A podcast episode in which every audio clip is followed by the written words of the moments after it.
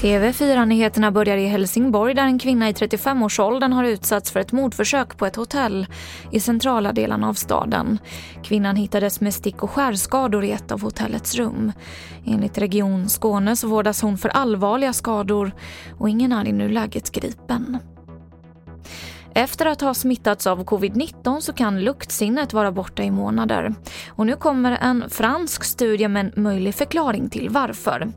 Viruset kan finnas kvar längst in i näsans celler trots att man testar negativt på PCR-test.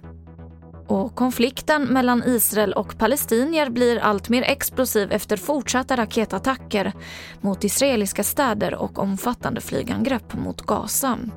Trots omvärldens försök att medla så fortsatte de intensiva angreppen i natt. Och mer om det här på tv4.se. Till sist kan jag berätta att två bergsklättrare från USA och Schweiz har dött på Mount Everest.